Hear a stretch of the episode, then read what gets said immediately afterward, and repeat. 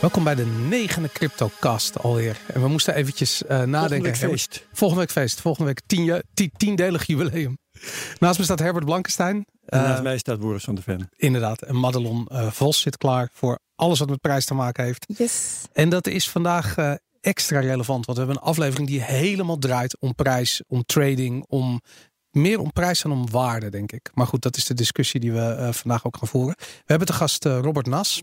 Uh, een echte uh, crypto trader, maar niet van crypto trader. Dat moest ik erbij zeggen. Dat is belangrijk. crypto trader, maar niet van crypto trader. Oké. Okay. Nee, crypto trader is blijkbaar ook een, uh, een bedrijfje waar je ooit verbonden bent geweest en nu niet meer. Dus, maar wel nog als crypto trader. Goed, ik wil graag eventjes onze sponsoren bedanken. Dat is bitmymoney.com en bitonic.nl, zoals elke week. En wat heel erg belangrijk is, met name deze aflevering, we geven geen beleggingsadvies.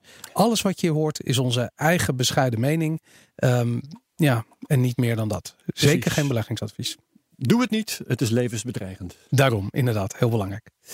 Zullen we beginnen met de tweets, Herbert? Ja, ik heb er diverse. Ja.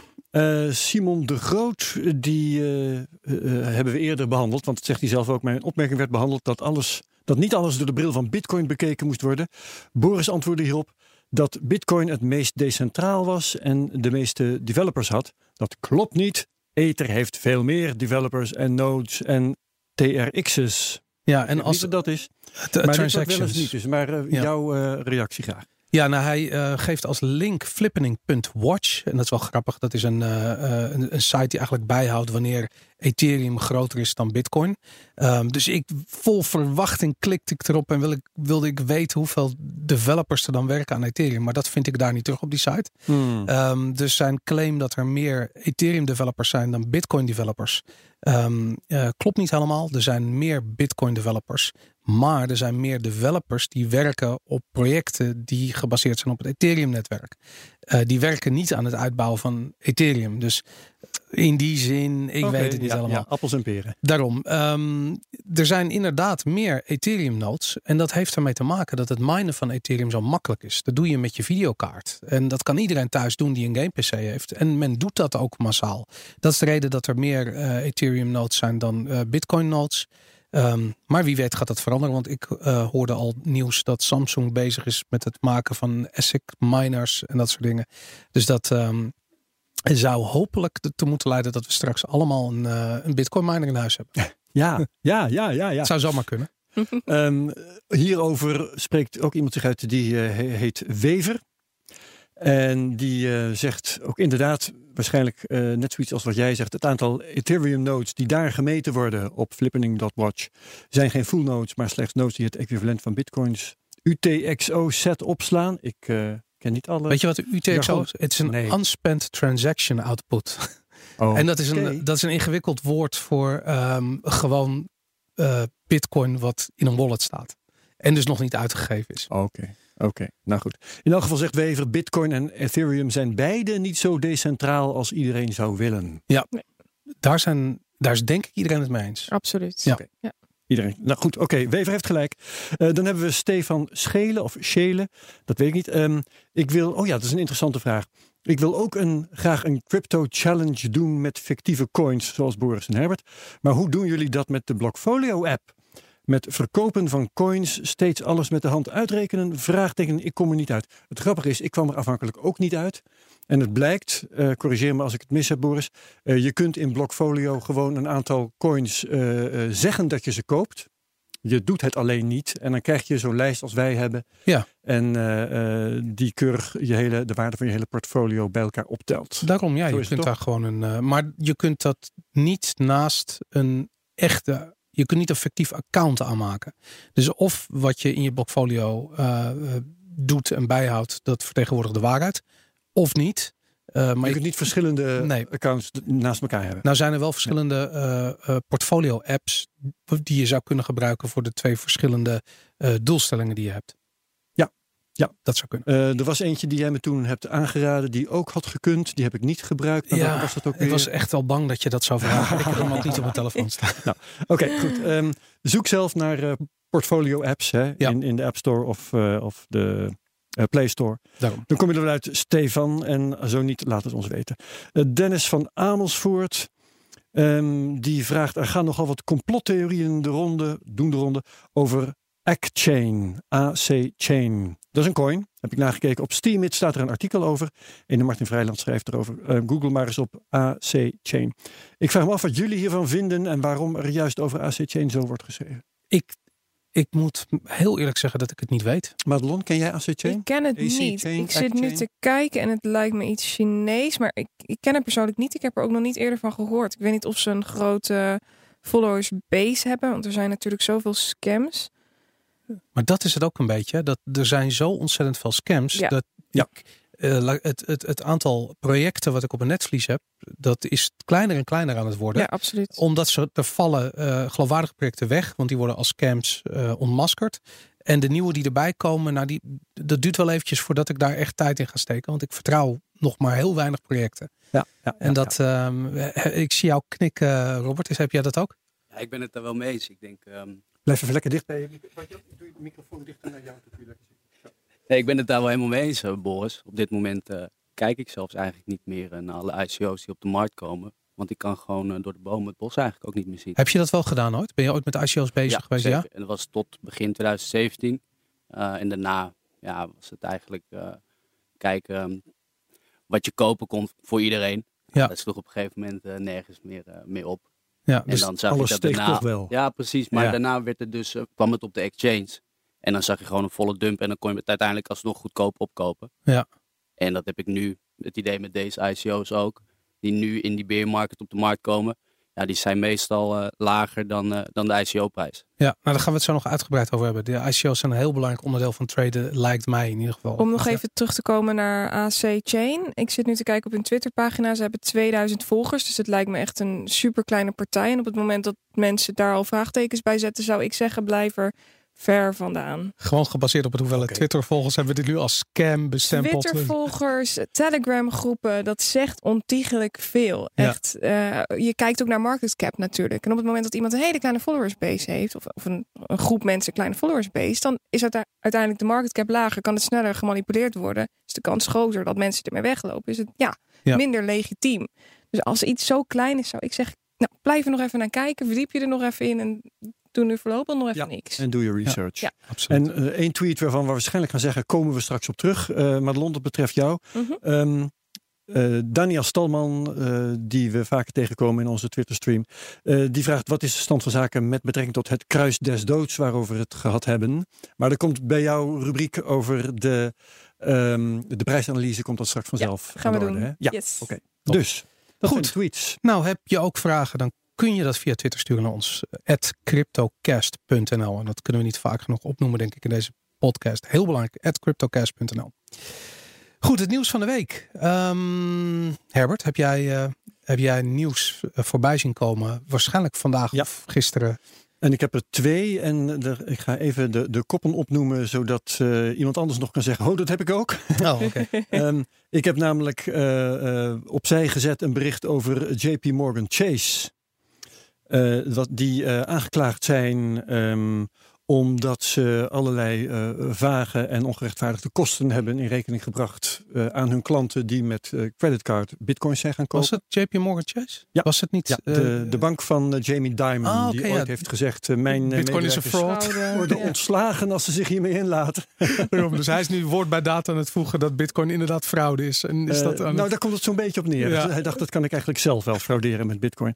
Nee, dus dat heb ik. En ik heb ook een, nog even staan een, een leuke discussie over of bitcoin nou wel of niet de grootste zeepbel uit de geschiedenis is. Vond ik ook erg grappig. Eh, iemand die een van deze twee al had om mee... eh, Nee. Oh, dan moet ik ze misschien allebei Allebei, ja. Ja, nou de ene heb ik dus eigenlijk al verteld. Eh, eh, JP Morgan Chase laat tegenwoordig zijn klanten blijkbaar handelen in bitcoin.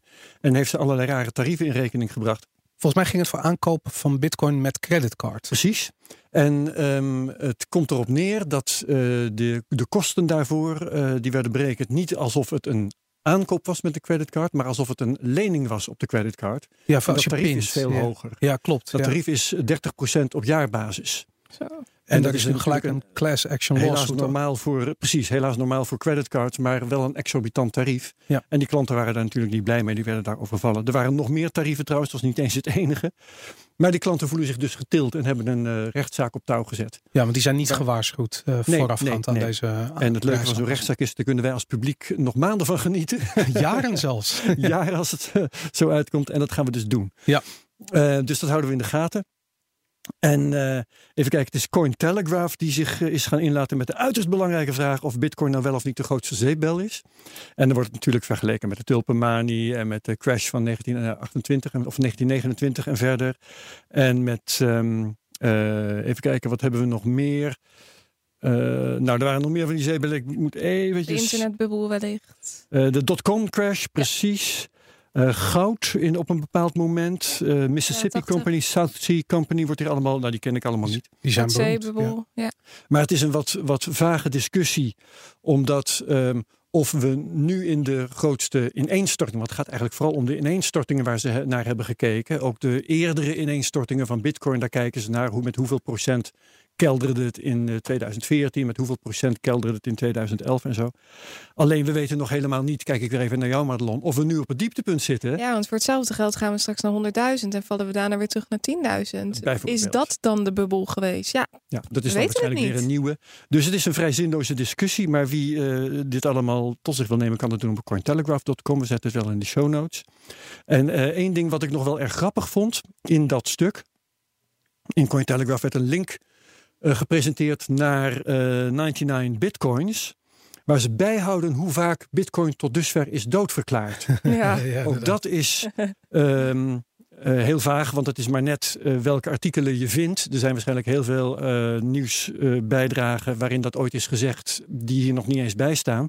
Maar in ieder geval, ze zijn op dit moment, en dan moet ik eventjes kijken, op een totaal van eh 278 keer dat Bitcoin is doodverklaard in de loop der jaren. Ja. Het leuke is, dus meer, maar in elk geval, dit zijn dus eh, doodverklaringen die zijn gedocumenteerd en in de lijst staan bij 99 Bitcoins. Ja, die site eh, stamt overigens uit een tijdperk dat het heel bijzonder was als er in de mainstream media iets gezegd werd over Bitcoin. Ja. En dan werd het vaak of heel dramatisch als, als de toekomst gepresenteerd of het werd doodverklaard. En, daar hield het, en tegenwoordig Ja. is het niet meer te doen, omdat er elke dag wel wat op nu.nl of waar dan ook terug te lezen staat over Bitcoin. Het is niet meer zo bijzonder. Het komische is, ik heb zelf eh, lang geleden heb ik dat soort eh, eh, overzichten ook wel eens gemaakt van de PC is dood, het web is dood, ik weet niet wat er allemaal. Hè, op een gegeven moment dan gaat je dat opvallen en eh, nou, Bitcoin is dus ontzettend vaak al doodverklaard en eh, zal Ja. nog heel vaak doodverklaard worden. Wel. Madelon, wat is jouw nieuws? Ja, ik had een.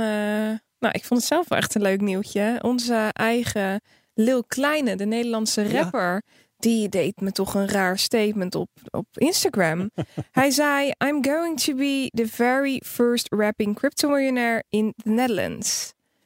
Nou, ik wist niet wat ik, eh, wat ik daarmee moest. Dus ik ben maar even gaan kijken. En hij had een hashtag M-O-A-T. En dat is Mother of All Coins. En toen zat ik ineens te denken. En toen vond ik de link met Dirk Scheringa. Yep. Dirk Scheringa die stort zich op de cryptohandel. Ja, en hij gaat een eigen ICO doen. Daar wil hij 10 miljoen mee ophalen. En met ik die. ICO wil hij heel graag andere ICO's helpen. Ehm, ICO Headstart wordt het ook wel genoemd. En Dirk, ja, die kennen we natuurlijk allemaal. eh, die staat niet zo goed. in Fantastische het, eh, reputatie heeft hij. Precies. Ja, bijzonder, bijzonder. Bijzondere Maar, reputatie. maar we heb jij maar begrepen hoe hij met de ene ICO andere ICO's denkt te kunnen helpen? Want dat deel snap ik niet. Ja, hij wil 10 miljoen op gaan halen. En daarmee wil hij de Mother of All Coins dus, dus gaan releasen. Oh. Ehm, en het doel van zijn bedrijf, om het zo maar te zeggen, is dat hij andere ICO's wil gaan helpen. Hoe ze dat precies doen, dat kan ik nou, in dit artikel natuurlijk weg te niet, geven, hè? Ja. niet precies vinden. Wellicht is dat een, een reden. Maar hij heeft dus blijkbaar aan Lil Kleine beloofd dat hij de eerste rappende Nederlandse crypto-miljonair gaat worden. Dus eh, Weet je wat nou het grappig is? Ik weet toevallig met 100% zekerheid te vermelden dat hij niet de eerste rappende multimiljonair in Nederland is. Crypto-miljonair in Nederland is. Rapper Boef. Er zijn er, een, er zijn er meerdere die dat al zijn geworden, omdat Ja. ze al heel vroeg in crypto ja, ingestapt zijn. natuurlijk. En eh Little Kleine denkt dat hij slim is, maar eh, het Oeh. feit dat hij dit al zo de wereld ingooit, geeft eigenlijk Pas wel aan dat het, dat, dat niet zo Rappers is. zijn crypto, hè? Want rapper Boef die heeft eh, ook een of andere coin gepropageerd. Dat was de gulden, DJ in de Verenigde Staten, die is ook volgens mij in trouble. Eh, Ja, Omdat hij dingen heeft gedaan die. eh, want dat was een ander nieuwtje dat Centra ik maar even heb dat. overgeslagen. Die eh, is in, in de problemen omdat hij een du- hele dubieuze coin. ja Centra heette die coin. En daar zat ook. Floyd Mayweather was gevraagd om die Ja, te promoten. En de, de, ja, de mensen achter die coin bleken gewoon ordinaire autohandelaren te zijn. Letterlijk. Die, ehm, ja, die gewoon dachten snel geld te verdienen. Zou u van deze man een tweedehands coin kopen? Ja, nou ja, goed. Ja. Exact hetzelfde heb ik met Dirk Scheringa. Ik, ik, ik kan me niet voorstellen dat die man begrijpt wat een blockchain is. Ik bedoel, ik zou hem het liefst willen horen uit. Ik zou hem willen uitnodigen en willen horen uitleggen wat een unspent transaction output is. Dat, dat lijkt me gewoon fantastisch om, dat, om die man te horen struikelen over zijn Ja. woorden. Dat, eh, Ik, ik, ga, ik ga één goed ding over hem zeggen. Ja. Het is in elk geval een bankier die zich met coins inlaat. dat eh, Dat sowieso, is waar. inderdaad. Ja. Ja, maar is het bankier hem niet een beetje ontnomen? Ik denk ook misschien dat hij wel ook Ja, hij kan, hij kan nooit meer als bankier aan de bak natuurlijk. Daarom, dus om een beetje die wereld na te trappen, is crypto wel heel geschikt. Ja, ja, ja, ja, ja. Dat, eh, dat Hij had een bedrijf, dacht ik, in eh, onbetaalde facturen. Hij kocht onbetaalde facturen op. Ja, Robert knikt. Dan zal het waar zijn. bizar, bizar. Dat werkt blijkbaar ook niet. Eh, eh, Robert, had jij nieuws? Eh, Ehm, ja, ik had eigenlijk eh, twee nieuwtjes. En eentje daarvan was dat eh, meneer Soros met een van zijn eh, fondsen Hm. instapt. Ja. Eh, ik had eigenlijk verwacht dat een van jullie dat ook eh, zou Ik had hem. aandragen. en dat nieuws dat werd eigenlijk heel erg positief ontvangen. En daar schrok ik eigenlijk best wel van. Want volgens mij staat meneer Soros bekend als een echte eh shortspeler. Die altijd tegen de markt ingaat. En misschien wel die, die de bitcoin probeert Ja, kapot te De speculeren. markt daalt nu, dus als hij tegen de markt ingaat, dan is dat misschien goed nieuws. Eens, eens. En wat je dus nu ziet is dat ehm, eh, de short posities op de bitcoin nu op een all-time high staan. En ehm, dat kan betekenen van oké, er gaan dus willen heel veel mensen verkopen, dus er komt een bepaalde druk op de prijs te liggen en de prijs gaat naar beneden. Maar als we kijken naar de bitcoin koers, en daar zal Madelon zo meteen wel uitgebreid over gaan eh, uitleggen hoe, dat, hoe die er nu bij staat. Maar als zometeen die mensen die allemaal short zitten, met hun short posities en de bitcoin gaat stijgen, dan krijgt iedereen natuurlijk hele klamme handjes. En op een Ja. gegeven moment moeten ze die short posities gaan dumpen. En dan schiet die prijs omhoog. En dat heet een short squeeze. Ja. En dat lijkt nu aanstaande. We zien het al, dat klopt.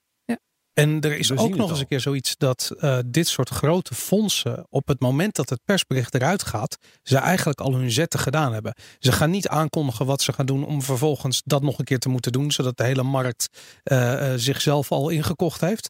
Eh, ze hebben het al gedaan. Dus je zou kunnen zeggen van als ze inderdaad wat jij zegt, dat ze, ik, ik bedoel, Soros is een marktmanipulator. Hij heeft ooit de Britse pond Ja, volgens Ja. mij op de knieën gekregen. En heeft dat ook in eh Zuidoost-Azië bij een aantal verschillende eh, valuta gedaan.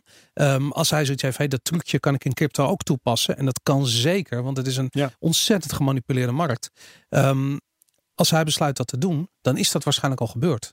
Dus je zou kunnen zeggen van die, die, die, die, die crash die we gezien hebben, of correctie of wat het ook is, van min 85% Misschien eh, zijn het wel dit soort grote spelers die daar een hand in hebben. Ja, dat, eh, dat, kan, dat is een theorie. Maar we hebben het hier ook nog over gehad dat, ehm, wat was het ook weer, Eh, de Mount Gox-zaak. Dat die, eh, Ja. ik bedoel, je kunt, elke week kun je wel de crash in de bitcoin eh, ergens aan wijten. Ja. Maar eh, het is, er is natuurlijk maar één oorzaak. Ja. Ja, ja. Kan niet ik weet niet of er waar één zijn. oorzaak is. Misschien zijn er wel meerdere. Hmm, Dat, Het ja. kan wel een katalysator zijn. Dat op het moment dat en dit en dat en dat en dat Soros dan denkt, oké jongens, we gaan tegen Ja. de markt in. Wat ze altijd zeggen is don't be against Soros. Dus dit is wel een hele, hele belangrijke. Ja, En nou, ik, absoluut. ik, ik had eigenlijk ook nog een ander nieuws, wat ik ook wel heel erg belangrijk, belangrijk vond. En dat was eigenlijk op eh, geopolitiek vlak. En dat was het uitspraak van Trump. Rusland, bereid je voor, de raketten komen eraan.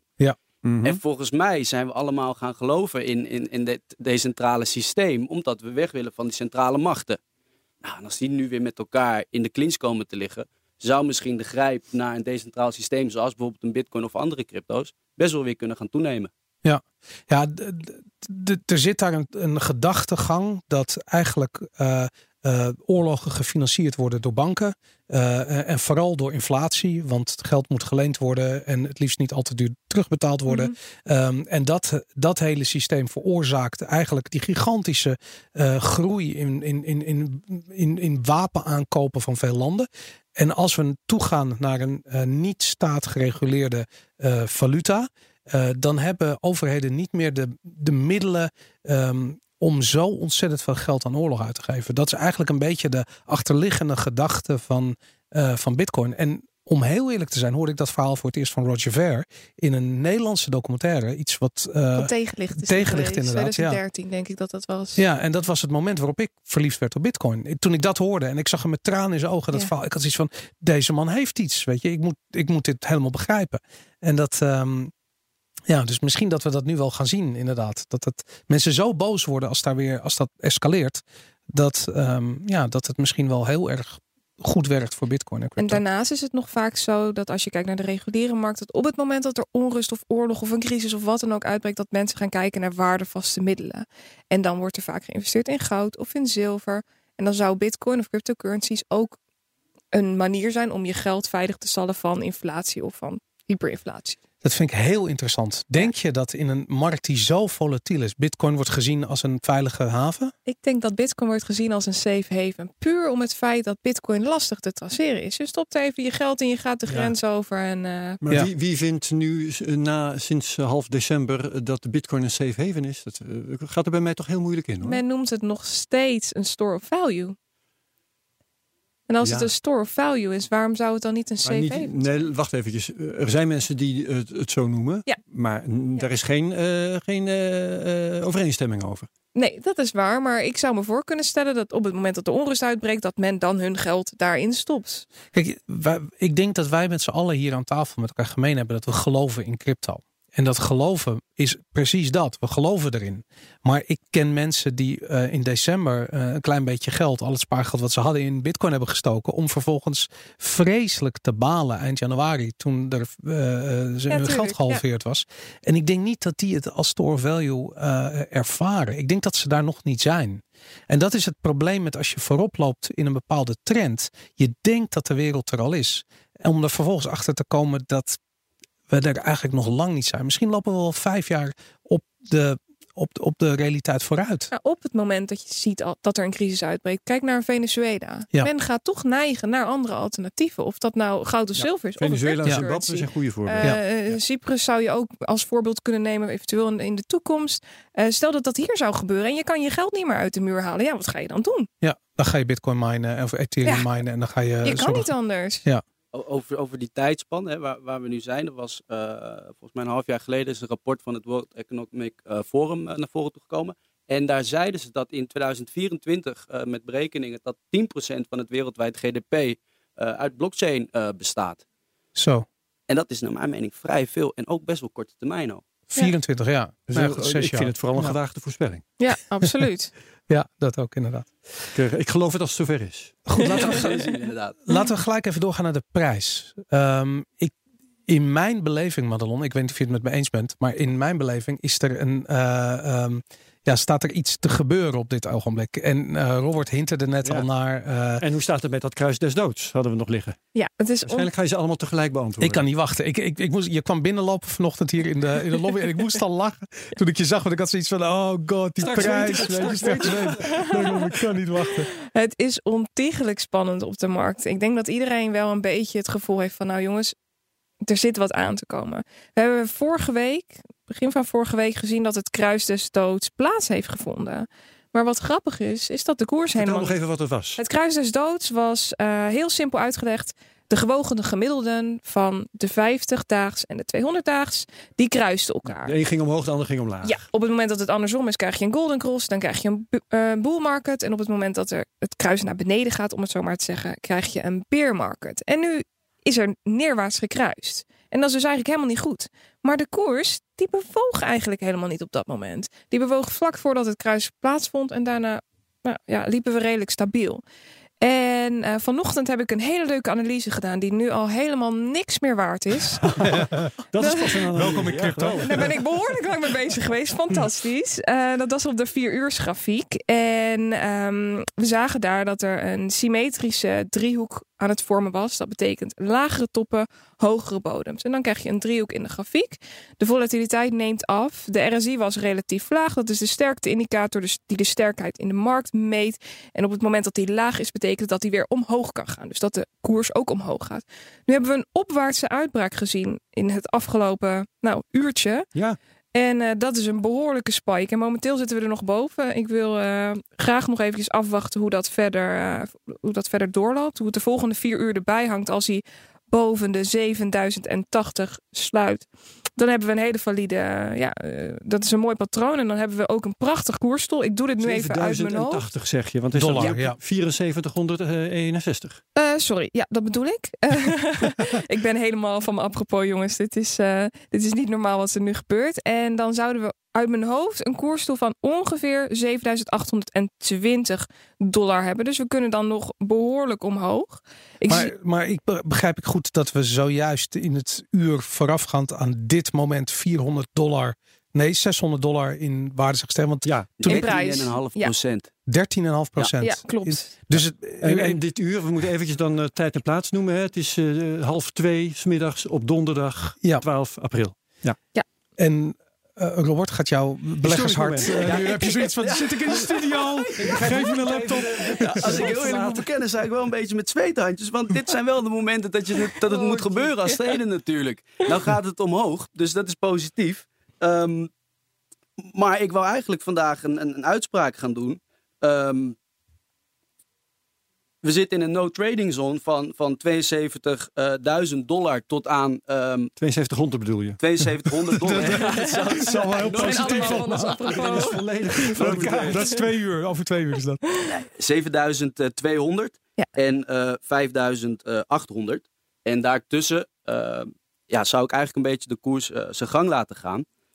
Maar hij breekt dus nu door die 7500 heen op de dekendel. En als hij daar dus zometeen ja. Op gaat sluiten, daarboven, nou, dan is het best wel positief. En sluiten heb je het over de 4 uur candle? De ja. dekendel. De, de dekendel. Oh, de dekendel, uh, de ja. daily, de dagelijkse. Ik zie, maar, maar de lotrechter zegt van waar heb jij het over? TA's onder elkaar hebben het soms ook niet. Zijn ja. soms ook niet altijd even nou, positief over dezelfde dingen. Maar ik zou zeggen, wacht nog even tot, uh, ja, tot de vier uur gesloten is. En dan zou ik er wel instappen. Nu zie ik wel dat uh, de top die gezet is, nu tegen de exponentiële moving average van 200 aantikt op de vier uur. Dat is dan weer niet zo heel erg prettig. Je denkt dat daar een um, plafond zit waar die op gaat afketsen en ja, weer naar beneden gaat. Dat het plafond rond die moving average van 200 uh, loopt. Dat is wat minder positief. Ik zal 200? Nog... En welke ja, prijs 200 is dat? moving average. Uh, oh, 200 dagen moving average. Ja. Ja, ja, En, en welke prijs? Uh, dan zitten zit we dus rond 200? die prijs van 7820. Dat zou dan ongeveer zijn max zijn voor nu op de 4 uur candle. En als ik nog eventjes de 1 dag grafiek erbij pak. Want dat is ook nog wel een mooie, want daar hadden we het vorige week over. Uh, toen keken we naar ook eigenlijk een super grote uh, symmetrical triangle. Waar ook de toppen lager worden, de bodems hoger. En die zit nu op 75% van zijn uh, triangle, dus 75% van de driehoek. En normaliter is het zo dat hij tussen de 73 en de 75 uitbreekt. Hij kan wel eens naar 80, maar hij is nog niet uitgebroken. Ja. En wat ik nu zie is dat we weer langzaam omhoog gaan binnen die driehoek. Nu zouden we omhoog kunnen gaan naar een 8300. Uh, RSI is nog laag, dus dat is positief. Ik heb het gevoel dat we nog verder omhoog kunnen. Wel zie ik dat nog steeds, waar Robert het net ook over had, het volume neemt af. Ja. Op het moment dat het volume afneemt, is de markt zenuwachtig. We, ja. we hadden allemaal een beetje het gevoel van er moet iets gaan gebeuren. Volgens ja. mij is zojuist is dit echt die klassieke short squeeze. Dit is de short squeeze, wat nu uh, gebeurt. En dan, dan ik, ik, ik, het zou zo mooi zijn als ja. we in deze podcast jullie gezichten uh, konden laten zien. Omdat, volgens mij jullie het met niets eens zijn hier. Dat is echt geweldig. Nee, maar. ik ben het wel eens hoor. Dat was een, een hele korte, korte short squeeze op de vier uur. Maar Robert is echt een daghandelaar. Dus die handelt ook op, op de minutengrafieken. Ja. En dan kijk je echt naar short posities, long posities. Ga je kijken hoeveel eruit staan. Ga je tellen. En ik kijk het wat meer grotere termijn. En ik wil wat liever wat grote stukken instappen en, en rustig aan doen. Ja. En um, ja, als Robert zegt, Daarom er is nu een short squeeze. nachten. Ja, precies. er is nu een short squeeze. Dan, het klopt inderdaad hoor, dat er net een short squeeze was. En die symmetrical triangle was daar het voorbeeld van. Maar in het grote plaatje zitten we dus ook in een symmetrical triangle. Wat dus ook betekent dat we complete short squeeze hebben. Sinds al januari loopt het volume terug. Dus Ja. dat gaat een enorme uitbraak veroorzaken die veel groter is dan 10%. Maar wacht even. Een enorme uitbraak. Een- ik hoor eigenlijk niets dan opgebouwde positieve energie van jullie. Maar sowieso ook als ik artikelen lees en ik zie het aan jullie gezichten af. Ik bedoel, ergens heb ik het gevoel van het zou zomaar kunnen zijn dat we bij wijze van spreken over een paar maanden van nu of over een half jaar van nu eh, opnieuw een all-time high zien. Eh, dat we eigenlijk die, die situatie die we eind 2017 hadden, die, die, die krankzinnige parabolische eh, stijging in prijs van bitcoin en eigenlijk alle altcoins gingen even hard mee, dat we dat terug gaan zien. Dus dit is de dip. Ik durf dat niet zo eh, hard te zeggen op basis van Geen beleggingsadvies. Oh, nee, op eh. basis van TA kijk ik puur op het moment dat die doorbroken is. Als hij doorbreekt, we kunnen het nu niet zeggen. Voor hetzelfde geld breekt hij naar beneden uit. Ondanks dat we allemaal het gevoel hebben van short squeeze, noem het maar op. Uh, maar als hij opwaarts uitbreekt, dan weten we zeker dat. Uh, ja, geen beleggingsadvies, maar dan weten we zeker dat die. Wat denk ja, je dat er tussen nu en volgende week gebeurt? Het is moeilijk om TA te gebruiken, technische analyse te gebruiken om de prijs te voorspellen. Ik heb ook begrepen dat dat niet kan. ik, ik voorspel geen prijzen. Nee. Ik probeer te handelen op het moment dat het gebeurt. En ik kijk waar de markt naartoe gaat. En dat, ik doe geen voorspellingen. Dat is heel lastig. Mensen zeggen soms, nou, waar heb je een glazen bol staan? Ja, ja. Nee, ik, ik, ik voorspel het niet. Ik kijk wat er gebeurt. Ik ga mee met het sentiment. En wat ik nu zie is dat die uitgebroken is. Dus daar komt een hele opleving uit. Het is eigenlijk een soort van onderbouwing van waarschijnlijkheid. Wat er zou kunnen Zo zou je het kunnen zeggen. Je kijkt naar de geschiedenis en dat probeer je op de toekomst. Uh, Nou, misschien is dat een mooie brug om gelijk te gaan praten over, uh, Ja. over trading. Nee, Ehm, we moeten ons beleggings. oh ja, even ik zat er bijna komen. vergeten, ja. Iedereen vergeet er wel iets. Ik vind het jammer, want als we nu zo'n prijs hebben gemaakt, dan is mijn eh, screenshot die ik vanochtend heb gemaakt Inderdaad. van portfolio Ik ga totaal niet meer Snel actueel. even kijken naar. Maar het is wel leuk om dat te vergelijken. Hoe we dat vanmorgen hebben uitgewisseld. En wat er intussen is gebeurd. Ik kijk meteen zelf Ik heb het niet even. op mijn telefoon helaas, dus ik, ik heb het niet bij me. Dus ik kan niet een actuele eh, Oké, prijs eh, nou, overleggen. eh, wat wij hebben. Ik, van de jouwe weet ik het dus niet, maar wel van de mijne. Mhm. Dan ga ik dus eventjes naar eh, het screenshot dat ik jou vanmorgen heb gestuurd. Mijn blokfolio stond ehm, vanmorgen op 526 dollar. Ja. En daar zaten al redelijk spectaculaire stijgingen in. Bijvoorbeeld van. ehm, Ja, want gisteravond stuurde je me een screenshot van 480 of 460, zoiets. Precies, en eh, dat was, die was nog niet eens geüpdate. Dus Ja. eh, dat had ik gewoon te vroeg gedaan. Maar eh, vanmorgen was het 526 dollar. En wat was dan de grootste stijger? Nou, ik zat net te kijken. eh, Cardano eh, was eh, bijna 18% omhoog. 18 En- Is dat je best presterende... eh, Op dit moment wel, eh, want Elastos heb ik daar ook nog tussen zitten en die was 12% omhoog. Oké. Dus dat is dat. En nou even terug naar de situatie van nu. Even kijken of hij inmiddels geüpdate is. Dan ga ik natuurlijk verkeerde wachtwoorden intoetsen. Dat heb je er In, in de tussentijd kan ik misschien vertellen dat mijn portfolio nu 720 dollar en 49 cent waard is. Tenminste, dat was vanochtend. Oh, vanochtend. En mijn best presterende coin, dat is eigenlijk iets wat ik eh, een beetje een impuls aankoop geweest twee weken geleden. En toen heb ik Madelon nog eh, gevraagd om of dat een goed idee is. Dus uit Icon inderdaad. En die heeft eh, tot vanochtend in 24 uur is die 33 gestegen. Zo, de knetter. En ik denk dat hij nu eigenlijk nog wel een stuk hoger is. Ja, maar hij was eerder al 40% gedaald. Ja, Dus, nee, eh, ik verliezen hebben alles- gemaakt. We, we zijn begonnen met 1000 dollar, hè? dat moet iedereen even weten. Ja, dus ja, ik heb nu 720 dollar. Dus En ik ben dus sinds vanmorgen, ik had dus 526 vanmorgen en eh, nu een paar uur later is het 562, mijn hele portefeuille. Oké, Dus dat is eh, bijna 40 eh, dollar, een eh, kleine 8% of zo nou, niet erbij. verkeerd. En Niet dan is nog steeds Cardano de best presterende met intussen 22,5%. Ga je nog iets veranderen nu, met, nu we het Nou- net geleerd hebben over deze aanstaande outbreak? Ik had me net vanmorgen voorgenomen om het daarover te hebben. Ja. Eh, nog niet eens wat ik ga veranderen, maar wel eh, dat, eh, dat we gewoon van, van schrik en van al- alles wat er gebeurde, dat we helemaal vergeten zijn om naar te kijken. Want de bedoeling was natuurlijk om van week tot week te kijken welke coin is veelbelovend en van wel- welke gaan we aan de dijk zetten en welke Ja. pakken we op. En eh, luisteraars te vragen om ons tips aan de hand te doen. Nou, dat, dat doen ze eh, met de meest vage coins soms, eh, Ja. met alle respect. Dus dat, dat is nog even een open vraag hoe we daarmee om zullen gaan. Ik, ik, ik maar eigenlijk de tijd wordt langzamerhand wel weer rijp om dat te gaan doen. Ja, misschien moeten we dat volgende week weer doen. Ik, wat, wat ik zelf, wat me opvalt, is dat er zijn een aantal coins die het eigenlijk altijd wel goed doen. Bitcoin is altijd een soort gemiddelde daarvan. Het gaat Ja. wel oké, maar het is nooit Nou, de wat je best nu wel presterende ziet coin. is dat, dat ehm, de, de altcoins harder omhoog gaan dan Bitcoin. Kijk hoe even naar eh, de, de uh, zo. Um, omdat ze eerder met veel grotere percentages omlaag zijn ja, gegaan. Ja. Daarom. Dus als we omhoog gaan, is de altcoin-markt best wel interessant. Beter even in de alt altcoins duiken, Ja. inderdaad. Nou, ik ga niks veranderen. Ik wil jou Ehm. nog vragen, want dat heb ik twee weken geleden helemaal vergeten. Waarom heb jij eigenlijk voor Icon gekozen?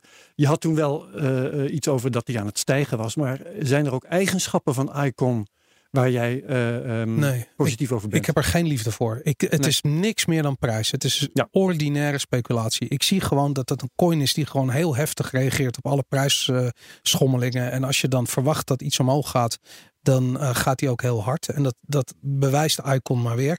Er zijn andere coins die dat ook hebben. Walton Chain is een goed voorbeeld van. Ook, volgens mij Ja. is dat een coin die jij ook hebt. Die heb ik ook. Eh, dat, dat is een coin die over het algemeen bovengemiddeld presteert. Ja, waarom is dat? Eh, gewoon marketing. Het is perceptie. Mensen denken dat het wat is. Ehm, ik weet niet of het daadwerkelijk wat is of niets is. Ik weet dat eh, Icon interessant is vanuit het eh, Zuid-Koreaanse oogpunt. En de Zuid-Koreanen en de Japanners die, die houden van beleggen in crypto. Dus dat soort projecten doen het daar. Of dan. Ik denk Ja. dat dat de prijs wat, wat sterker doet bewegen. Walton Chain nu 6,5% omhoog. Dus Nou, dat valt wel helemaal mee. niet om over naar huis te zeggen.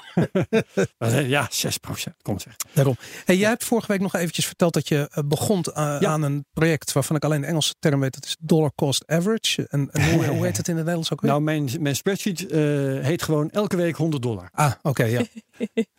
Dan begrijp Dat is ik- wat het dan nu begrijp ik Dat is omschrijving inderdaad. Ja, ik heb vorige week 100 dollar gekocht. Fictief, doe mij niet na. Ehm, voor 6830.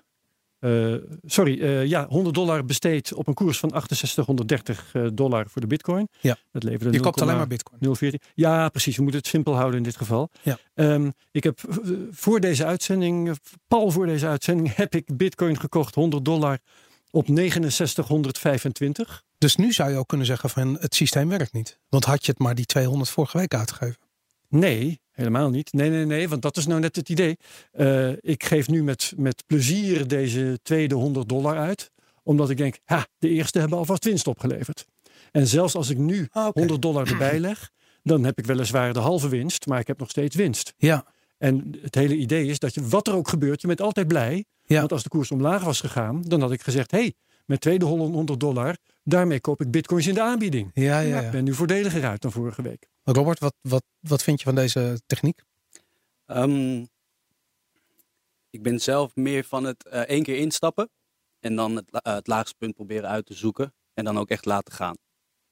Ja, en dat kun je doen als je zoveel inzicht hebt in de markt. En ik denk dat Robert dat heeft en ik niet. En als je dat niet hebt, dan vind ik dit een hele fijne strategie. Ja. Omdat je daarmee de, je, weliswaar vlak je de grote toppen uit, maar je vlakt ook de grote dalen uit. Nee, en je vlakt de psychologie uit. De angst en de, Emotie. de hebzucht bij als die prijs omhoog gaat. Ja. En Ja. de angst als de prijs naar beneden gaat. Je hebt gewoon een systeem en je blijft het trouw. Dat idee. nou goed, misschien moeten we dat als, ehm, eh, als, als, als bruggetje eh, nou, ik gebruiken. wou nog één ding Oh, nog vaststellen. Oh, dat is wel leuk. Want ik heb dus voor de uitzending heb ik gekocht op eh, fictief Hm. op eh, 6925 dollar. Ja. En intussen is de bitcoin, eh, waar nu intussen van mij 200 dollar in zit, Ja. die is eh, dik 10% gestegen. Dus eh, ik heb het totaal nog niet uitgerekend. Maar ik eh, sta nu dus met mijn inleg van 200 dollar. Sta ik, ik schat ongeveer niet op 201,39 dollar, wat mijn spreadsheet net nog vermeldde. Ja. Maar in de buurt van de 220 dollar. Dus dat is pure winst. Tevreden Pure fictieve winst. Ja. Niks behalve fictieve winst, toch?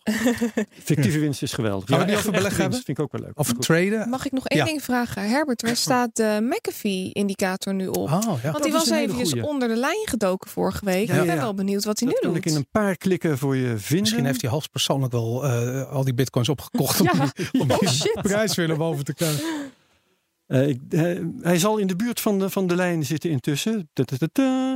Hij staat nu toch... eh, oh, de, de koers is alweer gestegen. Hij staat nu nog 2,5% onder de lijn. Wauw. De prediction tracker vermeldt een koers van 8000 intussen. Dus we lopen al echt tijdens deze uitzending knalt de boel verder omhoog. En de voorspelling, daar had, dan had hij moeten staan op 8200. En die staat nu op 8000 en een heel klein beetje. Nou, de dat is McAfee de Prediction Tracker situatie. staat ook in de show notes. Heel belangrijk. Dan traden. Ja.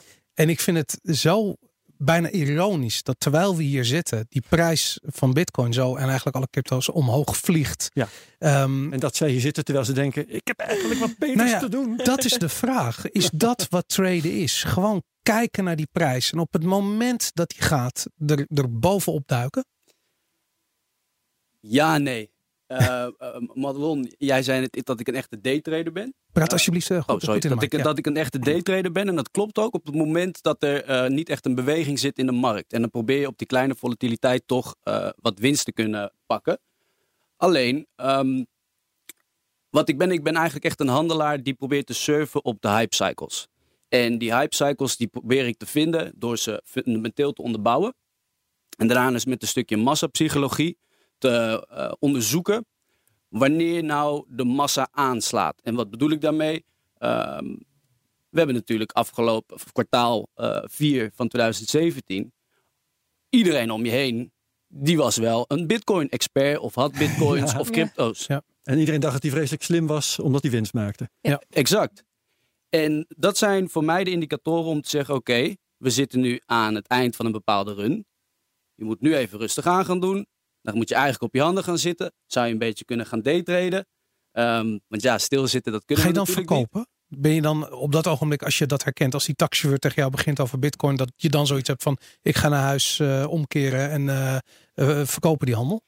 En, en, en dat was het waarom het voor mij best wel een, een, een zware periode is geweest als handelaar. Ehm, als handelaar koop je in en verkoop je wanneer je bepaalde winst hebt gehaald die je vooraf met jezelf hebt afgesproken. En dan zit je thuis achter je laptop. En dan komt die bitcoin op de 10.000. 10.000 verkopen, Robert. Dat had je afgesproken met jezelf. En dan begin je te zweten. En dan begin je te ijsberen door de kamer. Want je weet, jongens, verder omhoog. die hype is pas net begonnen. Ja. Ja. Nou, dan komt hij bij de 12.000. En heb je nog steeds niet verkocht? Ik heb hem niet verkocht. Dus je hebt Uiteindelijk heb... afspraak met jezelf geschonden. Ja, ja. Ook even vaststellen. En uiteindelijk heb ik in de 14, 16 eh, range heb ik eh 20% verkocht. Oké. En afgelopen maand nog een keer eh 20% op de 11,5. Ja. Maar eigenlijk zou je dus moeten zeggen, oké, als handelaar had je gewoon alles moeten verkopen. Ja. Alleen, je zit zo in het crypto-landschap dat je oprecht ook gelooft dat je buy and hold moet zitten. Maar dat, Ja. dat, dat geloven, weer dat woord. Want ik vind dat zo fascinerend. En Madelon, we hebben het daar volgens mij in een uh, vorige uitzending wel eens over gehad. Die volgens mij is het, het, het, het, eh, effectief kunnen traden. Is precies dat. Het loslaten van geloven, van angst, van emoties. Er is me wel eens verteld door een heel ervaren eh, handelaar. Die zei, eh, eh, succesvolle handelaren zijn nooit succesvol met hun eigen geld. Omdat daar is die angst. Daar zit die angst en die greed en, die, en al die emoties die die rationele beslissingen Je beïnvloeden. kan veel objectief, objectiever kijken, inderdaad, als het niet met eigen geld is. En dus ga je bepaalde. eh, eh, eh, ehm, je gaat het wat meer afwegen bij elkaar, waardoor je op een rationelere keuze komt. Hoe doe jij dat? Hoe, hoe, hou je dat? hoe hou je je keuzes rationeel? Door van tevoren altijd te weten waarom je in een bepaalde positie zit, wat het eindstation is en wanneer je hem gaat verkopen. En als je erin zit, dan laat je het gaan.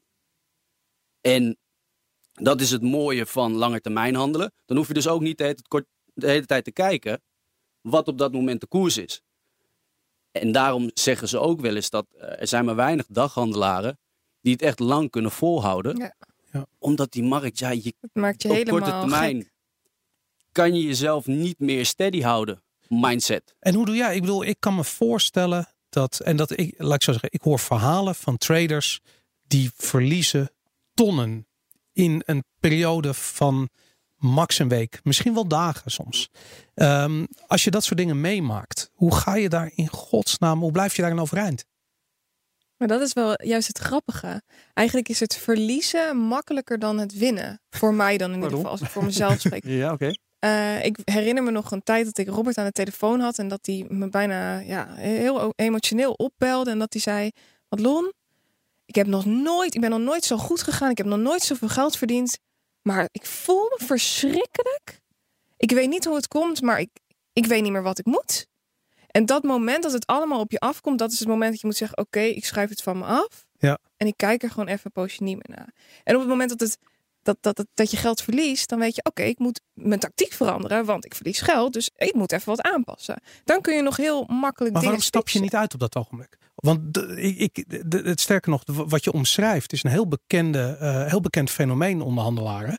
Ehm, en dat is namelijk letterlijk de angst om kwijt te raken wat je hebt. En als je op hele hoge hoogte staat, dan kun je vallen, eh, kun je een afstand vallen die je nog niet eerder gevallen bent. Ja. Eh, Voor, voordat je antwoord geeft, wil ik iets vragen over Boris' vraag. Ja. Jij zegt, ehm, waarom stap je niet uit? Ja. Eh, wat betreft het uitstappen uit eh, de bitcoin? Ja, goed. Ja, ik, ik hoopte al dat je, me, dat je ons af en toe weer terug op aarde zou brengen om, om het begrijpelijk eh, te houden. Eh, ja, uitstappen is eh, bijvoorbeeld je bitcoin verkopen voor euro's. Zodat je weer met beide benen op de grond staat Ja. met euro's. Alleen Madelon heeft wel eens een keer gezegd, haar doel is meer bitcoin Dan en niet komt meer toch euro's. het geloof kijken dat je, dat je denkt, dit is het. Ik heb het, ik heb het nooit gekocht om veel geld mee te verdienen of om mee te handelen of wat dan ook. Ik heb het gekocht omdat ik dacht, dit gaat de toekomst zijn. Ja. En daardoor is het mij blijkbaar gegund. Geloven. Maar ja, dat is, ik, ik hou het echt daar. Ja. Als in, anders komt het te dicht bij mij. Ja, en Robert, hoe doe jij dat? Want- Nou, ik, ik, zie het niet. Kijk, eh, wat ik zei, ik ben twee keer uitgestapt op 20%. En daar bedoelde ik mee uitstappen eh, naar fiat, naar cash. Nou, Hè? euro's, ja. Zodat ik dus komende tijd. Want als je zegt, ik heb zoveel geld verdiend, dan bedoel je ook gewoon euro's. Juist. Ja. Ja. Is Ja. dat zo? Als je zegt verdienen, dat is het moment waarop je uitstapt en incasht. Of niet? Nee, want daar wil ik, dat, dat, dat wou ik dus zeggen. Oké, we hebben het slechtste kwartaal ooit achter de rug gehad. Maar ik heb wel meer verdiend. In bitcoin. Ja. En dat is waar je als handelaar, naar mijn mening, alleen maar mee bezig moet zijn. Is dat ook jouw doel om meer bitcoin te vergaren en het draait niet zo erg om die Absoluut. euro? Want je hebt ook we- wel zoveel vertrouwen in die bitcoin dat je denkt op termijn, lange termijn, eh, gaat die wel weer verder omhoog. Ja, Dan bijvoorbeeld die 20.000 die we gehad hebben. Ik zit hier toch weer met een paar maximalisten aan tafel. Dat merk ik nog. Ja, maar ik denk, ik denk dat mensen die, die, die vrij vroeg zijn ingestapt, ehm, ook bijna allemaal wel maximalisten zijn. Ja. Omdat die gewoon veel meer in, de, de techniek kunnen uitlezen. Ja. En dan dus ook begrijpen dat al die ICO's en, en, en alternatieve eh, crypto's op dit moment door de blockchain van, van Bitcoin gewoon eh, eh, verwaarloosbaar zijn. Maar als ik het dan goed begrijp, op het moment dat je niet die psychologie en die emoties kunt scheiden van dat daadwerkelijke handelen, van dat traden. ehm, en je bijvoorbeeld eh, niet ijskoude beslissingen kunt maken met als doel om gewoon geld te verdienen, ongeacht de consequenties. Want ik denk dat dat erbij komt kijken uiteindelijk. Raak je dan niet op een gegeven moment in een soort emotioneel moeras verzeild, wat zoveel stress oplevert dat je, dat je er geen meer mee op kan? Absoluut, absoluut zeker. En dat was voor mij dus ook het geval eh, eind 2017. En dat heeft me wel doen realiseren. Hè. Op een gegeven moment kom je op een bepaald mijlpaal. Dat je denkt van nou, hè, hier werk je altijd naartoe en op een gegeven moment heb je het. En dan realiseer je eigenlijk dat het eigenlijk helemaal niet zoveel waard is eh, voor jezelf. Het En geld. Het, het de- geld, de ja, de inderdaad, be- bezitting, ja. En wat ik zei, ik, ik, ik probeer te surfen op die hype cycles. En dan moet je dus een beslissing gaan nemen. Oké, we hebben nu een megastijging gehad. Ehm, je ligt soms nachtenlang wakker omdat inderdaad die portfolio maar op, neer, op en neer gaat. En dus heb ik gezegd, afgelopen kwartaal, eh, eh, we trekken overal even de stekker eruit en we gaan met sabbatical en we wachten tot eh, de bodems komen. En daarom zit ik nu al de hele tijd met een glimlach op mijn gezicht. Volgens mij zijn we de bodems nu aan het zien, dus ik mag weer aan het werk. jongens. Ja. Want eh, eh, je- je- wat was de boot? 6300 dollar heeft je uit mijn hoofd? Dat Nee, hadden het is we- onder de, iets onder de 6000 geweest. ja, misschien Ja, wel inderdaad. Even bij. Ja, maar Delon heeft er iets over gezegd. Volgens mij twee weken geleden. Of, Eh, de precieze bodem was 5.972 dollar. ja. En kunnen we met zekerheid zeggen dat dat de bodem was? En dat het nu tijd is om in te stappen? En dat Nee. we met z'n allen feest vieren? Ik, Nee. ik, ik zou dat graag, ik wil het wel eh, eh, voor mezelf, misschien breng ik dat niet helemaal duidelijk, maar ik heb voor mezelf eh, vanaf de high, eigenlijk al vanaf augustus vorig jaar, eh, koersdoel 3000 staan. Ja. Ehm, Ja. En die heb ik nog steeds, want we zitten nog steeds in een bear market en zolang die niet naar boven toe breekt, wacht ik tot die bitcoin op de 3000 staat. Maar wat ik bedoelde met bodems, die zie je dus nu wel al bij de alts. Dus de alts lijken eerder te gaan dan de bitcoin. Ja, de, Aha, de altcoins aha, aha. als een soort van kanarie eh, in de kolenmijn voor de, voor de rest van, van, van crypto eigenlijk. Voor, voor, eigenlijk voor Maar dat bitcoin. betekent dus ook als je genoeg guts hebt, dan, eh, dan zou dit het moment zijn om in altcoins te stappen. Eens. Ja. Hey, en dan e- even praktisch. Ehm, eh, eh, van Madelon hebben we al eens een keertje gehoord hoe ze opereert. Eh, eh, O- O- Oké Coin volgens mij is jouw favoriete platform. Omdat je daar... Bitcoin. Ja, daar kan Maar je... vo- voordat je daarover vraagt, mag ik eerst nog even, want ja, tuurlijk, ja. we krijgen veel vragen over dit soort onderwerpen. En die gaan inderdaad over, over tweede. Eh, we hebben het tot nu toe gehad over de emotionele rollercoaster. Maar ik ben wel heel benieuwd, zoals jij net zei, eh, ik, ik, ik handel op grond van, van verwachtingen. En die onderbouw ik voor mezelf. Maar waarmee onderbouw je die dan? Wat zijn de gegevens die je verzamelt? Wat zijn de theorieën die je in je hoofd hebt? Je bent eigenlijk altijd op zoek naar de verwachting die de massa heeft. En daar probeer je op te anticiperen. En dan probeer je fundamenteel een coin te vinden die een bepaalde techniek heeft, waar misschien vraag naar kan gaan zijn. Of dat zometeen een hype kan gaan creëren. En dat kan door middel van om je heen te kijken of op het internet te lezen, maar je kan het ook doen. En dat is misschien wel eh, eh, een leuke tip ook. Je hebt op cryptocompare.com heb je allemaal indicatoren dat je kan zien, zoals Madelon begin eh, van dit gesprek al zei, hoeveel Twitter-volgers iemand heeft, of hoeveel Twitter-volgers een coin heeft, Facebook, Telegram, noem alles maar op. Ja. En daar kan je ook heel goed zien wanneer een coin een grotere volume heeft of dat er meer geaccumuleerd wordt dan normaal. En dan kan je dus ook zien van, hé, hey, hier staat iets te gebeuren.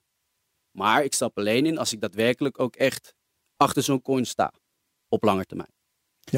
En Madelon die eh, vertelt hier vaak over eh, allerlei patronen. Hè? De, de head and shoulders herinner ik me. Technische En analyse. Mhm. We horen vaak de term RSI voorbij komen. En, allemaal. Zijn dat ook factoren die jij in, in ogenschouw neemt? Ehm, ja, absoluut. Ehm, nou, heb, nou ben ik wel van mening dat bij crypto, ik, doe, eh, ik heb ook heel veel in Forex gehandeld. En dan was het eigenlijk voornamelijk alleen maar technische analyse. Forex, dan moet je me even helpen. Eh, eh, euro. USD, eh, Oh, juist. de fiat, fiat. ja, ja. En waar ik eigenlijk achter ben gekomen bij de crypto, is dat je ehm, ehm, alleen maar eh, horizontale lijnen hoeft te kunnen tekenen. En dan moet je gewoon eh, de support en, en, en het weerstand weten te detecteren. En daartussen valt heel goed te treden. Dat is waar. En dan gebruik je bijvoorbeeld andere indicatoren om te bepalen wanneer je instapt en wanneer je uitstapt. Eigenlijk bijna alleen nog maar die horizontale lijnen. hey, maar je zei net van het, het, het, het, het detecteren van hype cycles. Dat is belangrijk. Ik ken één site, dat heet Crypto Panic. Waarin eigenlijk al het nieuws wat er over alle coins verspreid wordt, langskomt. En waarbij gebruikers aangeven of dat bullish of bearish nieuws is. Dus dat het goed of slecht nieuws is. Eh, en zo krijg je dus een indicatie van, hey, komt er nu heel veel bullish nieuws langs?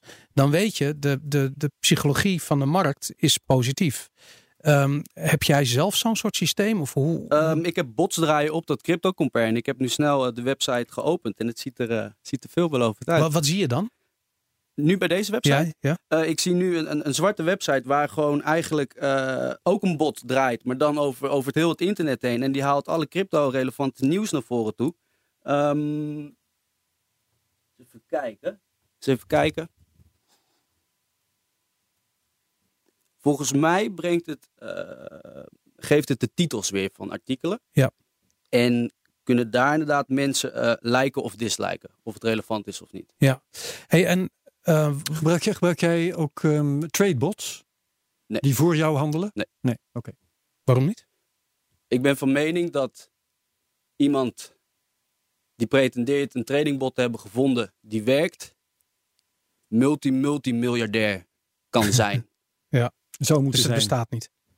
Ja. En in, de daarnaast, zin, in de zin van als je altijd geld kan maken, daar zijn die grote banken zoveel bereid om te betalen. Ja, dat werkt gewoon niet. Als je, het al, als je, moet, als je een bot hebt, moet je vijf jaar terug de tijd in kunnen gaan. Ja. En dan checken en dan zul je zien dat een bot bijna eigenlijk nooit werkt. Ja, Ja, ja, ja, daarom. ja. maar daarnaast is het hele spelletje natuurlijk weg. Op het moment dat je een trainingbot, ja, wat is er dan nog leuk Dan aan? is het niet, ja, Wij genieten ervan op het moment dat jij een bepaald koersdoel raakt en dat je dat net had Ja. verwacht. Dat is het fijne. Het gaat er dan niet om alleen maar geld verdienen of zo.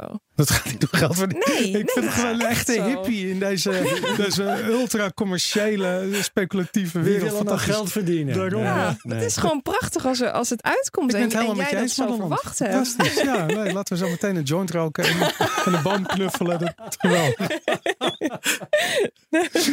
Top. Ehm, ik wil nog even naar de praktische kant, Robert. Eh, wat, wat voor platformen gebruik je? Hoe begin je met traden? Wat, wat is dat eigenlijk? Van, vanuit een heel beginnersperspectief, hoe doe je dat? uiteindelijk moet je de eerste stap gaan zetten. En dat is ehm, euro naar bitcoin gaan omzetten. Waarom Dus euro naar bitcoin? Waarom is dat belangrijk? je moet, eh, om te beginnen met handelen, moet je altijd, of bijna altijd, moet je beginnen met eh, bitcoin. En de exchanges die ik het vaakst gebruik, die hebben dus ook geen eh, ideal poortje. En dan moet je dus via eh, onder andere jullie sponsors, moet je eh, bitcoins kopen. Die verstuur je naar de exchange toe. En vanuit daaruit heb je de keuze uit de 1600 verschillende crypto's. En heb je dan exchanges die beter werken of slechter werken? Trade je met marge bijvoorbeeld? Of ben je juist tussen altcoins aan het traden? Of je exchanges met lekker lage tarieven. Ik noem maar een overweging. Bijvoorbeeld, ja. Dat is Of een goede helpdesk. de, de grap is dat ik niet meer met marge hoef te traden eigenlijk, omdat de volatiliteit hier zo hoog ligt. En dat is uiteindelijk ook de beweegreden geweest om eh, eh, volledig crypto, crypto te gaan. Ja. In plaats van aandelen en dat soort dingen, waar je echt die marges nodig hebt. Maar in ma- een marge trading, om even uit te leggen, marge trading is dat je eigenlijk bitcoin leent op basis van wat je hebt. Dus je hebt één bitcoin en dan kun je op sommige exchanges kun je wel 100 bitcoin lenen om vervolgens mee te traden. Het risico is dat je al die bitcoin, inclusief je eigen bitcoin, kwijtraakt. Terwijl als je gewoon trade tussen verschillende coins, heb je altijd nog die coins. En misschien is het vandaag niks waard, morgen kan het wel eens wat meer waard zijn. Dus je hebt nooit nul, terwijl je met marge nul kunt Ja. raken. En, en, en en waarom wil je dan marge gebruiken? Omdat als de koers bijvoorbeeld 1% omhoog gaat en je gebruikt marge 100, dan pak je dus eigenlijk 100% winst. En dat is heel veel. Het gaat heel snel, ja. Ja, dat gaat echt heel snel. Zagen we in het afgelopen uur inderdaad. Als het omhoog Ja. gaat. Eh, ja, eh, nog even een kleine update. Ja. Eh, ik zie nu een nieuwe candle voor me. En die opent op 7740 dollar. Ja. Eh, dit is op zich positief, want hij opent boven de uitbra het uitbraakpunt van de triangle. Eh, we raken nu de top van de mega grote super triangle. Dus het afwachten is nu of die uit gaat breken. Maar Je voelt hem niet. Nee, eh, de RSI zit heel erg hoog. Dus er is een grote kans dat we eerst nog eventjes naar beneden tikken voordat we toch die Maar- maar wacht even, eh. 20 minuten geleden was de RSI nog erg laag. Ja, dat is op de, op, de, op de vier uur. En we zitten nu op de. Even kijken hoor. Ja, dat is op de één dag. En we zitten nu op de vier uur te kijken. Op de één dag zit hij nu rond de 45, waar die net 20 minuten geleden rond de 35 noteerde. Ja. En we zitten, ik kijk nu naar de vier uur grafiek, want hij heeft dus nu net een nieuwe candle geopend. En daar zitten we RSI. Nou, het loopt gewoon helemaal uit mijn Even, 80. Mag ik even een vraag? Ik, ik heb namelijk het gevoel dat heel veel bots treden op RSI. Ja. En RSI is een hele simpele indicator. Staat hij onder de eh 20, dan moet je kopen. Staat Ja. hij boven de 80, moet je verkopen. Ja. Eh, even in de notendop. Uh, hoe beoordelen jullie dat? Als je weet dat al die bots dat de hele tijd aan het doen zijn. Kijk je naar welke kaart kijk je? Kijk je naar de daily? Jij zei al, je kijkt naar de daily. Maar jou hoor ik altijd over de vier uur. Ja. Maar ook over de weekly. Wat, hoe, hoe trade je? Hoe doe je dat dan? Ehm, jij zou, Madelon zou het vast wel hebben uitgelegd, maar die RSI die is dus of het overbouwd, overbouwd of oversold is. En eh, wanneer je de aanname hebt dat er dus te veel mensen zijn die een bepaalde positie hebben gedumpt, dus is het oversold, kan je dus zeggen, oké, er is paniek in de markt geweest, mensen hebben te veel verkocht. Maar welke kaart? De 4 uur, de 1 uur, de 10 minuten kaart, de 5 minuten kaart. Ja, ik denk dat het van één al die kaarten? eigenlijk allemaal inderdaad. Ja. Je kan het op de 1 minuut toepassen of, of op de daily, de weekly, de monthly. Ehm, En heb je dan niet iets van, hé, hey, maar dit werkt voor mij heel erg goed? Wat zijn dan de kneepjes van het vak? eigenlijk van mij op eh, koersen waar zoveel bots optreden, kan je eigenlijk alleen maar naar de daily, vanaf de daily kijken. Ja. Omdat je dan gewoon veel meer rust hebt, want dan is het echt het gemiddelde van al die uren op een dag. En, en anders zit je echt met een bloeddruk van 200 trillend achter je pc eh, te kijken hoe die, hoe die RSI leverage. dus heen en weer stuitert. Inderdaad, ja nee, dat is vreselijk. Dat kan ik En me voorstellen. eh, Boris, om nog eventjes terug te vallen op die eh, vier uur grafiek. Ik pak de vier uur grafiek omdat ik dan iedere week wat kan vertellen. In principe zou je dan wekelijks een trade kunnen doen. Ja. En die vier uur grafiek is, nou ja, in principe is die net zo goed als de één dag of als de vijf minuten of de één minuut. Eh, en die RSI pak ik erbij om dan die divergenties te kunnen vinden in de grafiek die naar beneden gaat, RSI die omhoog gaat en andersom. Ja. En dat werkt heel goed. Ik, ik wil heel even nog naar de toekomst kijken. Ik bedoel, ik, Herbert, we zitten hier aan tafel met twee absolute experts als het om trading gaat. Eh, we, gaan een, we gaan een week vol onzekerheid tegemoet. Ehm, wat gaat er gebeuren aankomende week? Wat gaan jullie persoonlijk doen. Wat, Madelon zegt net dat ze niet voorspelt. ja, ik snap het. Maar ik, ik, ik denk wel dat ze. eh, eh, Ik bedoel, als je er zo naar de kijkt, dan heb je zoiets. Die zit te planten. Maar Ro- Robert ook, die zit volgens mij op zijn laptop nu, as we speak, een trade. Plannen te maken. Ja. plannen te maken. Eh, wa- wat, wa- wa- hoe zien jullie de aankomende week? Als de aankomende week Maar laat ik zo zeggen, wat ga je doen? Ik ben bezig met mijn altcoins te accumuleren. En ik wacht nog steeds of die bitcoin naar de 3000 toe Welke gaat. altcoins? Ehm, leuke vraag. ik, probeerde net, commentaar. ik probeerde net uit te leggen. Massapsychologie je probeert te detecteren waar mensen naar op zoek zijn. En op dit moment... eh, Noem maar eentje. Ja, ja, hebben, hebben we blockchains? Het is geen beleggingsadvies. Hebben we blockchains die nog niet snel genoeg zijn. En wil je daar applicaties op laten runnen, dan moet die throughput gewoon hoog zijn. En er is, Scaling, En ja. de- ja, en er is nu een, een, een coin, Zilliqa, die sharding gaat toepassen. Waardoor hoe meer nodes op dat netwerk komen te draaien, des te hoger die throughput. Zij, pa- de coin is pas net eh, op de exchanges gekomen. Op Binance onder andere. Exact. En ik verwacht daar eh, heel veel van. Wat, wat kost die nu? 4 cent. 4 cent. Op Binance, in de uitverkoop, Silica. Robert Las, we hebben het hier gehoord. Dit is geen beleggingsadvies. ik word er wel enthousiast van. Het is ook gewoon het feit dat, dat ja, ik, ik weet niet, deze hele crypto space, ik weet niet of jullie dat ook hebben, maar er zit een energie in. En ik heb hem al Hoe eigenlijk snel alles gebeurt. Ja. Het is of, of je een film versneld afgespoeld ziet worden. Absoluut. En ik heb het de afgelopen maand een klein beetje gemist. En ik realiseer me tijdens het opnemen van deze Nou, podcast. dat het- maanden ook heel snel. Maar Ja, nee, maar Vandaag. ik, ja, weet je, ik, ik, ik zat een beetje in mineur. Maar als ik dit nu zo en ik, je voelt weer van er zit iets aan te komen wat gigantisch is. Zo'n zo'n golf, die zo'n vloedgolf van, van nieuws en van drama en van succes wat over je heen. we gaan wel weer tweets krijgen. Boris, over mensen die zich storen aan al dat optimisme. Ja, inderdaad. Ja. waarschijnlijk. Ja. Nee, nogmaals, het is geen beleggingsadvies. Kom Uiteindelijk gaan we allemaal dood. Ja. Maar dezelfde vraag nog even aan Madelon voor we sluiten. Wat ga jij doen? Eh, voor deze week, ik zou wachten op, op de uitbraak. Ik verwacht nu niet dat die opwaarts gaat uitbreken. Eh 3000 zou in principe nog het koersdoel kunnen zijn. Voor nu zou ik in de gaten houden 6400 en 7850. Oké, een gezonde dosis sceptisch eh, om Boris af te koelen. Absoluut. nou, fantastisch jongens. Dank jullie wel voor deze eh enerverende podcast. Yes. Eh, volgende week zijn we er weer. Ehm dankjewel Robert Nas. Eh, heb je nog een Twitter? Doe je beleggingsadvies ergens online waar mensen... Ja, ja, ik heb eh, een Twitter-account en daar heb ik eigenlijk nog helemaal geen volgers. Maar wat leuk is voor de luisteraars van... eh, ja, nee, ik, ik ben eigenlijk meer een reader. Ehm, maar mijn Twitter-account is NAS, N-A-S-S 769. En kijk eventjes naar de accounts die ik volg. En volg die ook, want dat is echt hele relevante informatie. Slim. Oké, Leuk. N-A-S-S, wat zei je? 769. 769. Goed, staat ook in de show notes bij deze. Top.